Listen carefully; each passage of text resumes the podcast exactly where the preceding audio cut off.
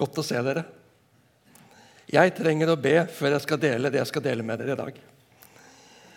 Kjære Jesus, må du med din gode Hellige Ånd åpne ordet for oss, røre ved oss slik du ser vi trenger det, og slik du ville det.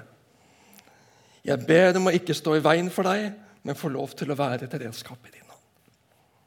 Amen. Nå skal du få reise deg mens vi leser fra Lukasevangeliet kapittel 11, vers 14-28. En gang drev han ut en ond ånd som var stum. Da den onde ånden for ut, begynte den stumme å tale, og folk undret seg. Men noen av dem sa, 'Det er ved hjelp av Beelzebul, herskeren over de onde åndene, at han driver de onde åndene ut.' Andre ville sette ham på prøve og krevde tegn fra himmelen av ham. Men Jesus visste hva de tenkte, og sa til dem.: Hvert rike som kommer i strid med seg selv, blir lagt øde, og hus faller på hus. Om nå Satan er kommet i strid med seg selv, hvordan kan da riket hans bli stående? Dere sier jo at det er ved Beelzebul jeg driver de onde åndene ut. Men hvis det er ved Beelzebul jeg driver ut de onde åndene, hvem er det da deres egne folk driver dem ut ved? Derfor skal deres egne dømme dere. Men er det ved Guds finger jeg driver de onde åndene ut, da har jo Guds rike nådd fram til dere. Når den sterke med våpen i hånd vokter gården sin, får det han eier, være i fred. Men kommer det en som er enda sterkere og overmanner ham, da tar han fra den sterke alle våpnene som han satte sin lit til, og fordeler byttet. Den som ikke er med meg, er mot meg, og den som ikke samler med meg, han sprer.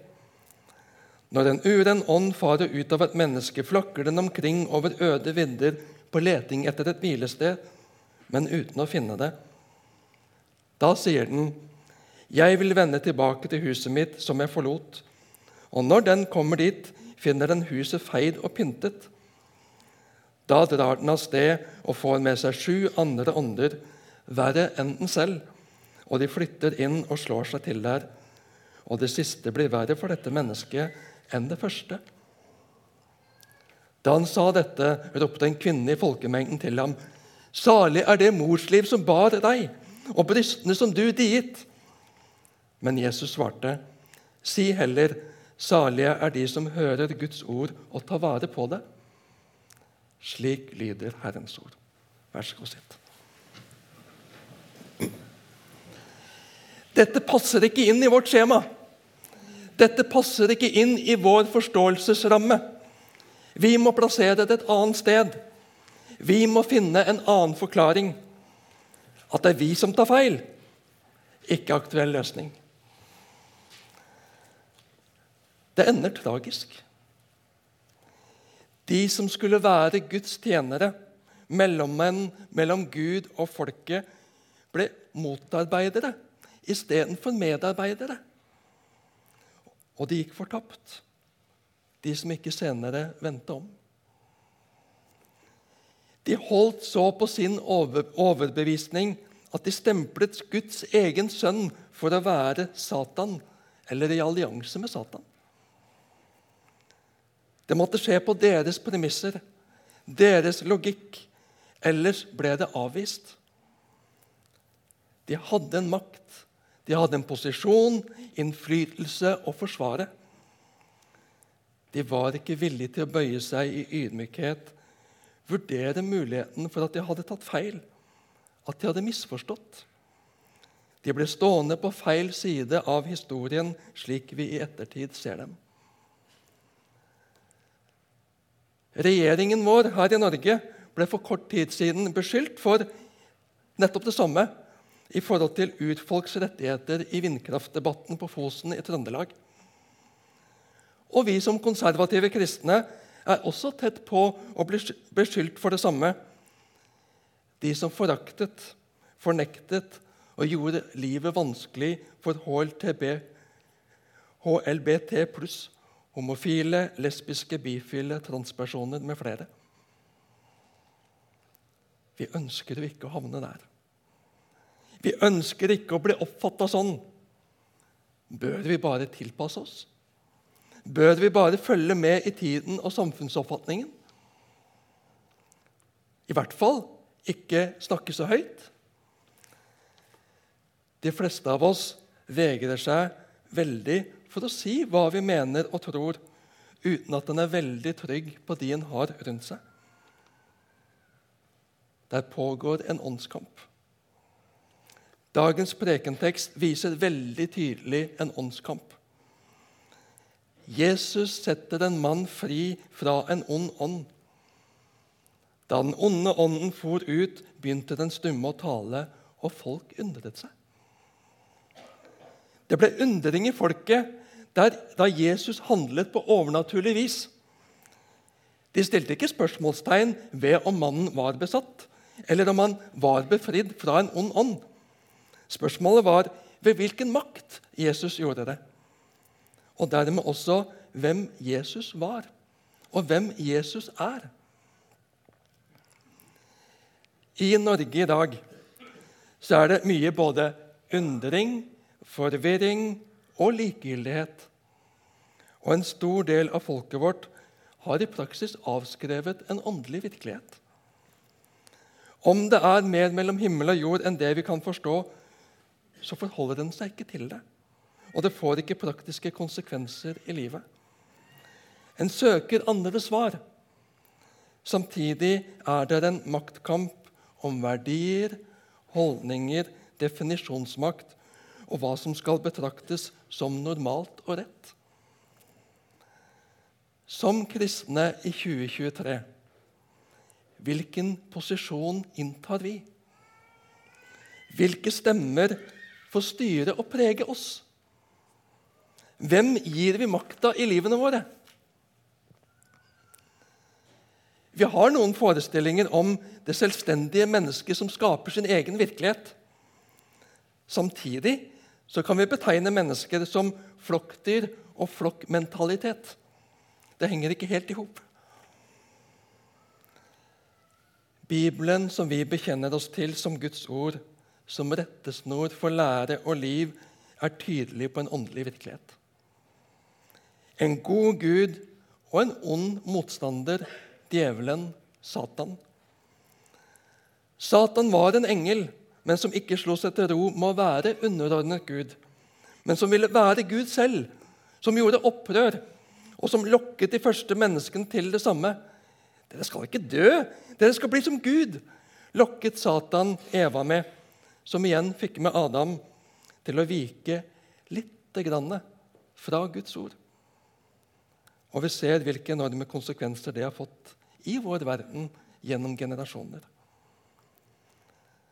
Men vi har det i oss alle. Ønsket om å bestemme selv, ha definisjonsmakten selv, i praksis være vår egen Gud. Det er en grunnholdning vi er født med siden syndefallet. Vi kaller det arvesynden. Når de som skulle være venner og medspillere, blir motstandere og fiender. Folket var jo Guds utvalgte folk, og deres ledere var Guds tjenere. Men noe annet ble viktigere på veien.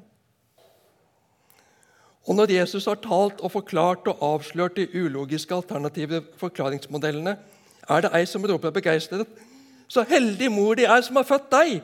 Hun må være stolt! Det er jo godt ment.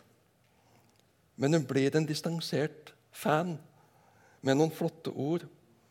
Men det får ingen konsekvenser. Hun blir ikke en etterfølger av Jesus. Vi kan møte konfrontasjon, massiv storm i media og kommentarfelter, men vi kan også bli møtt med velmente honnørord men de blir tomme, for de fører ikke til noe. Da kan det være fristende å miste motet. En kan velge å bli taus og følge mengden eller skjule seg i mengden. Eller den kan hardne til, bruke hardere skyts, slå hardere på tastaturet, kvassere leserinnlegg og kommentarer i kommentarfeltene, og kanskje bli bitter. men Jesus viser oss en annen vei. La oss dykke ned i bibelteksten. Og Jeg har fått god hjelp av Sverre Bø og hans tekstgjennomgang på foross.no i forberedelsene til denne delen av talen. Når vi leser Bibelens tekster om besettelse og onde åndsmakter, vil mange sekulære avskrive dem som gamle forklaringsmodeller og overtro. Men vi som ønsker å ta Bibelens virkelighetsbilde på alvor, vi kan lett bli skremt. Kan jeg bli besatt? Satan kan angripe og plage kristne, men han kan ikke okkupere, besette eller overta makten over et Guds barn. Der Jesus er herre og frelser, der får ikke Satan rom. Jesus er sterkest. Jesus har overvunnet Satan. Men der huset er tomt, som vi ser fra vers 24. Der mennesket er befridd fra onde åndsmakter, men det har ikke fått en ny herre, men står tomt. Da er det mennesket lett angripelig for onde åndsmakter igjen. Derfor holder det ikke å bli fri fra onde åndsmakter enn med å få en ny herre. En trenger å ta imot Jesus som frelser og herre for å ha motstandskraft mot Satans angrep. Jesus satte den besatte fri, og folket undret seg. Men noen av dem sa det er ved hjelp av Beelzebul, herskeren over de onde åndene, at han driver de onde åndene ut. Den som ikke vil tro på Jesus, og hvem han sier han er, må finne en annen forklaring på befrielsen. Jesus er Satans agent, blir svaret. Han driver med svart magi. Andre ville sette ham på prøve og krevde tegn fra himmelen av ham. Mange besnæres og fascineres av mirakler. Gi oss flere tegn! Ja, de krevde et tegn av Jesus. Deres oppmerksomhet dreide seg ikke om den besatte mannens situasjon. De var heller ikke opptatt av Jesu godhet eller frelsesgjerning. De var sultne på spenning, sensasjon, underholdning. Også Herodes ba en gang om å få et tegn fra Jesus. Men Jesus visste hva de tenkte, og sa til dem.: Hvert rike som kommer i strid med seg selv, blir lagt øde, og hus faller på hus. Jesus skjærer tvers igjennom alle spekulasjoner. Han tar opp det viktige spørsmålet om hvem det er Jesus representerer. For at alle skal forstå hvor urimelig anklagen mot Jesus er, bruker han et enkelt bilde. Et land, et rike, som bruker all sin energi på borgerkrig, har et stort problem. De har ingen slagkraft utad og er ytterst sårbare for angrep. Om nå Satan er kommet i strid med seg selv, hvordan kan da riket hans bli stående? Dere sier jo at det er ved Beelzebul jeg driver de onde åndene ut. Beelzebul er et annet navn for Satan. Bibelen omtaler hans rike som stort, sammensatt og vel organisert. Efeserne 6,12 forklarer litt om hva og hvem vår motstander er. For vi har ikke en kamp mot kjøtt og blod, men mot maktene, mot myndighetene, mot verdens herskere i dette mørket, mot ondskapens ånde her i himmelrommet. Men hvis det er ved Beelzebul jeg driver ut de onde åndene, sier Jesus, hvem er det da deres egne folk driver dem ut ved? Derfor skal deres egne dømme dere. Dere anklager meg for å være Satans agent. Men deres egne driver de også ut onde ånder. I hvilken kraft gjør så de det? Kritikken faller på sin egen urimelighet. Men, det er, finger, men er det ved Guds finger jeg driver de onde åndene ut, da har jo Guds rike nådd fram til dere. Når jeg gjør godt mot besatte mennesker, da er jeg altså Guds representant. Og når Gud slipper til med slike gaver, da er jo selve Guds rike kommet til dere.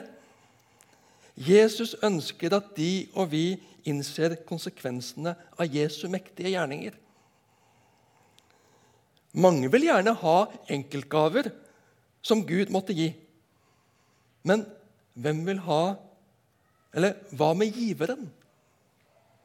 Det var ti spedalske som ble helbredet, men bare én vendte tilbake for å takke Gud. Det skriver Lukas om i kapittel 17. Det var ti som fikk helse, men bare én var mottagelig for frelse. Jesus går over til et annet bilde, denne gang om en klok huseier. Når den sterke med våpen i hånd vokter gården sin, får det han eier, være i fred. Huset hans er truet av ranere. Huseieren sørger for godt, god beredskap. Han ansetter vaktfolk. De skal holde ranerne på avstand. Men kommer det en som er enda sterkere og overmanner ham, da tar han fra den sterke alle våpnene som han satte sin lit til, og fordeler bytte. Problemet melder seg hvis dørvaktene og vaktmannskapene ikke er sterke nok eller mange nok i forhold til ranerne. Eller kanskje ranerne har bedre våpen enn vaktfolkene. I så fall kan konsekvensene bli katastrofale, både for vaktmennene, huseieren og verdiene hans. Motsatt kan vi trekke slutningen der Jesus er dørvakt. Der slipper Satan ikke inn. Skulle han det, måtte han først beseire Jesus. På korset kom det store generaloppgjøret mellom Jesus og Satan. Satan er for alltid taperen. Satan er sterkere enn meg, men han er svakere enn Jesus.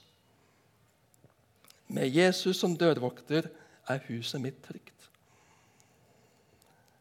Den som ikke er med meg, er mot meg, og den som ikke samler med meg, han sprer. Jesu poeng er at ethvert menneske står i en voldsom kamp. Satan selv har sine onde agenter ute på oppdrag. Hver av oss tvinges til et valg. Enhver må velge side. Nøytralitet er ikke mulig. I møte med Jesus deler verden seg i to flokker. Det er godt med sympati for vår kristne kulturarv. Det er bra om folk fortsatt har litt respekt for kirka og Gud, men det er et langt sprang fra en viss sympati for Gud til det å gi sitt liv til Jesus. Det er ikke frelse i å være Jesus-fan, men i å ha Jesus som frelser og herre i livet. Jesus stiller hvert enkelt menneske på valg. Vil du følge meg? For jeg være din Herre og Frelser. Du vil møte motstand slik jeg har møtt motstand. Du kan møte spott og forfølgelse. Det vil koste. Men jeg vil gi deg liv. Jeg har sonet synden og beseiret djevelen. Han skal ikke overmanne deg når jeg får være din Gud. Hos meg er du trygg, tross forfølgelse og motstand. Følg meg. Til kvinna som hyllet Jesus med leppene, men ikke hadde gitt ham sitt hjerte, svarte Jesus, si heller, salige er de som hører Guds ord og tar vare på det. Tegnene, underne, miraklene viser mitt hjerte for dere. Men mennesker vil tolke miraklene ut fra eget perspektiv og ståsted. Jeg gjør dette som et tegn på at jeg er den Gud i sitt ord har lovet skal komme. Hør ordet, ta vare på det. Egen dømmekraft er feilbarlig. Egne følelser er lett å manipulere. Egne erfaringer gir bare et begrenset bilde. Det er Guds ord vi kan stole på. Det skal vi lytte til og ta vare på. Det vil vise oss vei, ikke bare for dagen i dag, det neste året, men for all framtid. I og til evigheten. Lesetekstene som vi hørte tidligere i gudstjenesten, viser oss både fallgruber og det gode liv, den gode vei. Kong Saul han startet godt. Han var ydmyk, og han lyktes. Men når situasjonen ble anstrengt, tok han skjea i egne hender og underordnet seg ikke Guds bud og ordning. Det ble ikke umiddelbar kollaps, men relasjonen til Gud var brutt. Og misunnelse og bitterhet tok makten over Saul. Livet hans fikk en trist fortsettelse og en trist slutt. Om vi startet godt i ydmykhet og avhengighet av Jesus, står også vi i fare for å ta skjea i egne hender. Dette går jo så bra! Dette fikser jeg! Og så stoler jeg på egen dømmekraft og suksess og går bort fra lydighet, lydhørhet, varhet og avhengighet av Jesus. Vi får noe vi skal forsvare. En posisjon og et rykte å ivareta. Det blir meg og min posisjon framfor Jesus. Skinnet er kanskje det samme. Jeg ser lik ut, kan høres ganske lik ut også, men hjertet er ikke der. Livet er ikke der. Vi kan fristes til å forsvare vår posisjon som kristne. Ja, i vår iver for Guds ord bruke ord og midler som ikke er forenlige med Guds ord. Vi kan ta oss sammen og lære rett fra scenen, men praten over kirkekaffen er ganske annen. Lever kjærligheten i oss og mellom oss? Eller er vi de rette meningers forening med holdninger og liv som avslører at hjertet er et annet sted? Vil en som strever med livet, som ønsker å følge Guds ord, men som har en byrde å bære som vi rundt kanskje ikke kjenner, vil hun eller han kjenne seg elsket, båret, heiet på og hjulpet gjennom måten vi er, snakker og møter mennesker på.